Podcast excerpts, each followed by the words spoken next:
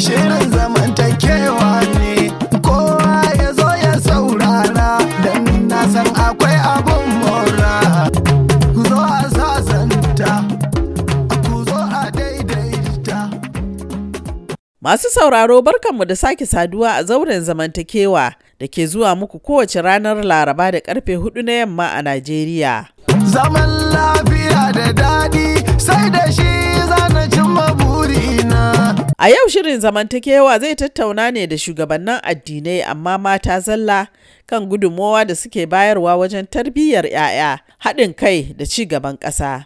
iyaye in mun saya tarbiyyar ya'ya da kyau ba zai taba zama yaro ya fita gida ya tashi ya je ya kashe wani kai sake ko da ma an maka wani abu kashewa bai kamata ya zo kusa a tunaninka ba yes muna alfahari da cewa mu hai- haifa saboda a yaɗu a samu a samu al'umma. Amma kuma ai ana son al'umma na gari. Ba wa al'umma da za su zo su addabi mutane ake nema ba. Bincike da wata ƙungiya da ke tattara bayanai kan yaƙe-yaƙe a wurare daban-daban mai lakabin ACLED ta gano cewa akalla mutane 5,135 ne aka kashe a cikin watanni bakwai na wannan gwamnati ta Bola Ahmad Tinubu. Ƙungiyar ta ce jihohin da aka fi kashe-kashen sun hada da Borno, Zamfara, Filato, Neja da Kaduna, yayin da jihohin Ikiti, Jigawa da Gombe su ne ke da ƙarancin tashin hankali. Kan haka ne na haɗo kan mata da ke zama shugabannin addinai don jin irin gudunmawarsu. Uwar gidan shugaban ekwa ta ƙasa da ƙasa, Madam Naomi Stephen Fanya Baba, ta ce mata na ƙoƙari wajen wanzar da zaman lafiya. rashin jituwa dai abu ne na kowane rana kuma muna nan a matsayinmu na uwayen ruhaniya mun san yadda umarnin ubangiji mu yi zaman lafiya. Muna kuma koya matan fastoci zaman lafiya yana fara daga zuciya ne. Mu samu zaman lafiya mu samu zaman jituwa mu samu hudawa and dangantakanmu da ubangiji. Mun samu dangantakanmu da ubangiji ya zauna. To dangantaka a cikin gida da makwabta da wani yare ko da wane ne ba zai wuya ba. Amma so da yawa sai mu samu mutane akwai rashin ganewa rashin ibada kuma aminci da sauƙi so ta haka sai ka gani akwai damuwa kala-kala. Amma a matsayinmu na matan fastoci babban ka'ida shine in akwai rashin jituwa mu ne mu zama masu kawo sallama. Babban abu yanzu da mun ɗauka shine mu yi addu'o'i. Ubangiji ya sa mu gane wayannan mutane 'yan uwanmu ne. Duk masu kashe-kashen nan ya'ya ne suna da uwa. Mu a matsayinmu na uwaye za mu duba wannan abin da idon tausayi sa- saboda mu samu bishewan ubangiji. Yaya ne za a yi zaman lafiya? Abin da ke faruwa yanzu bai kamata ba. Idan aka samu irin wannan tashin hankali zaki ga mata su suka fi shiga wannan tsanani saboda su ne masu kwasan 'ya'ya kila 'ya'yan ma ba ɗaya ba ba biyu ba. Mazajen an kashe zaki ga suna shiga tsanani sosai. Ta yaya mata su ma za su sarrafa kansu domin a samu an wanzar da zaman lafiya tsakanin al'umma gaba ɗaya. daɗin shine mu mata mu gane tada hankali da kashe-kashen nan gaskenki ne mu muka fi shan wahala. Kuma wannan ganewan ya taimake mu yadda za mu yi kada mu shiga cikin tada hankali. Kana zama kada ka yi zaman sake. In an ce ga damuwa sai ka san yadda za fara neman yara. Domin wani lokaci sai ka ga suna waje ne an buga an buga su can. Ana danganta wannan tashin hankali da rashin tarbiyya musamman daga iyaye. Ya kike ganin haka? ya kamata kowa ya sani. Domin ko a addini ko ba addinin krista ba ba addinin da ya umarci wani ya ɗauki ran wani. To wayanda suna halin kashe-kashen nan gaskiya za mu iya mu ce kila babu tarbiyya na gida amma ina ji ba tsoron allah a zuci.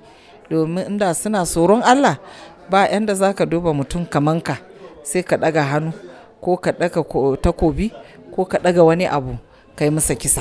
Amma namu shine iyaye in mun saya tarbiyyar ya'ya da kyau ba zai taba zama yaro ya fita gida ya tashi ya je ya kashe wani kai sake ba wai an yi ko da ma an maka wani abu kashewa bai kamata ya zo kusa a tunaninka ba Mafi yawan waɗanda ke shiga rikita-rikitan nan matasa ne. da ko dai ba su sami ingantaccen tarbiyya na addini da zamantakewa ba, ko dai sun fanɗara saboda miyagun abokai ko yanayin rayuwa. Kodinetan ƙungiyar mata musulmi ta Form 1 a jihohin Benue da Plateau, Hajiya Sumayya Hamza, ta ce dole ne sai an samu kyakkyawar hulɗa tsakanin iyaye da 'ya'ya. Eh, to a kullum kiran da nake yi wa mata musamman iyaye da kuma shugabanni da yayu wanda suke nan da mazaje samari musamman matasa a ƙarƙashin su. Abin da nake so mutane suna dubawa shine wa'annan matasa fa da suka shiga cikin shaye-shaye da kuma abubuwan da bai kamata ba ba son ransu ne su shiga ciki ba.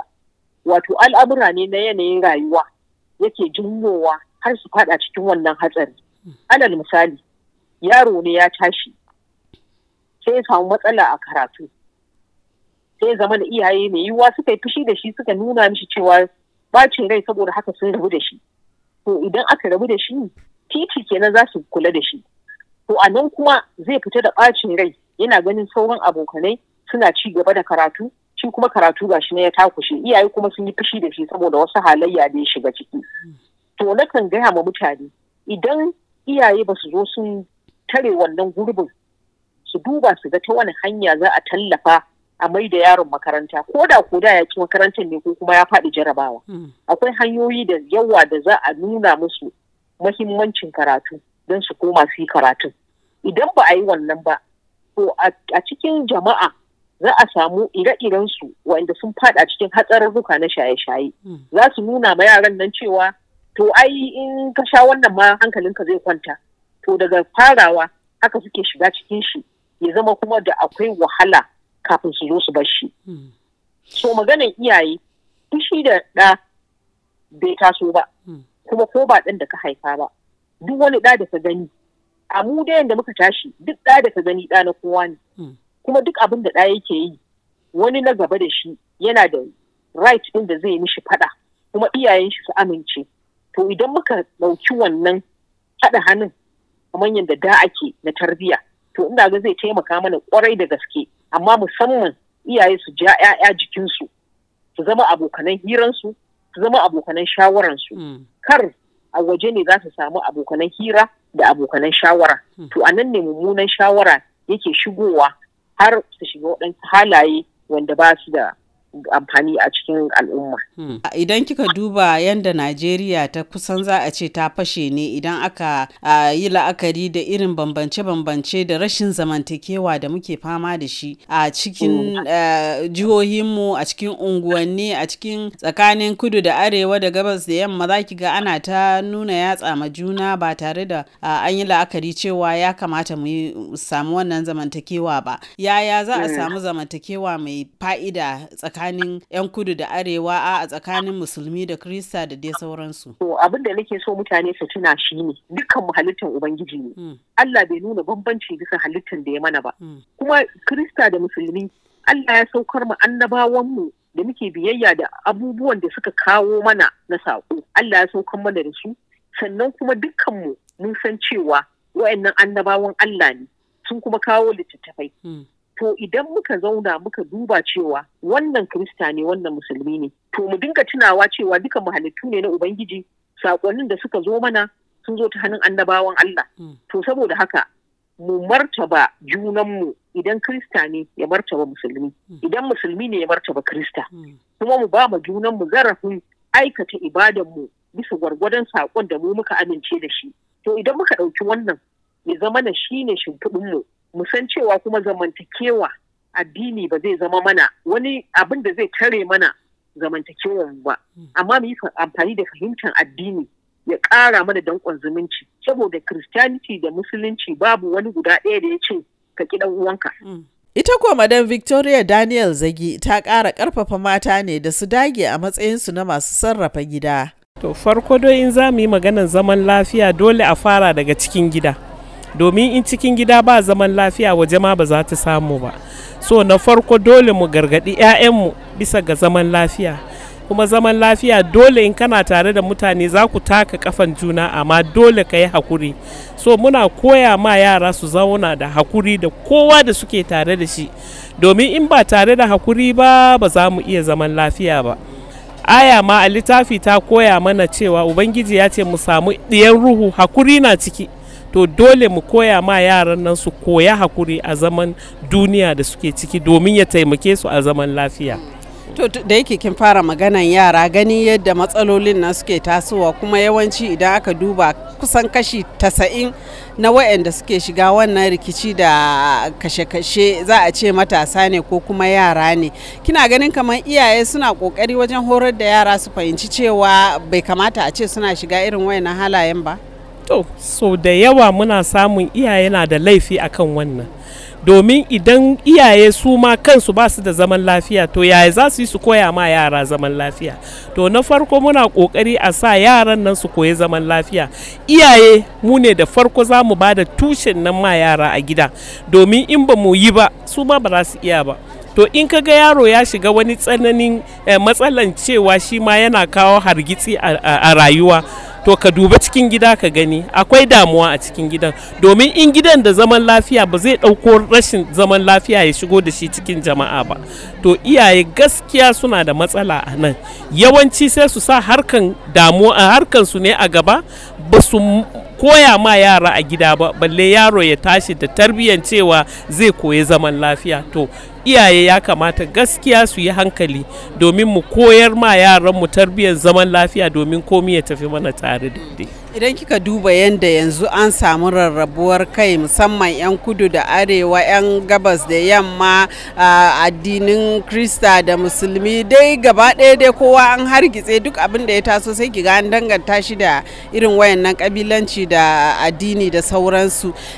Me kuke yi a matsayinku na matan fastoci ko kuma masu shugabannin addinai na ganin cewa wato an fahimci juna an inganta zamantakewa?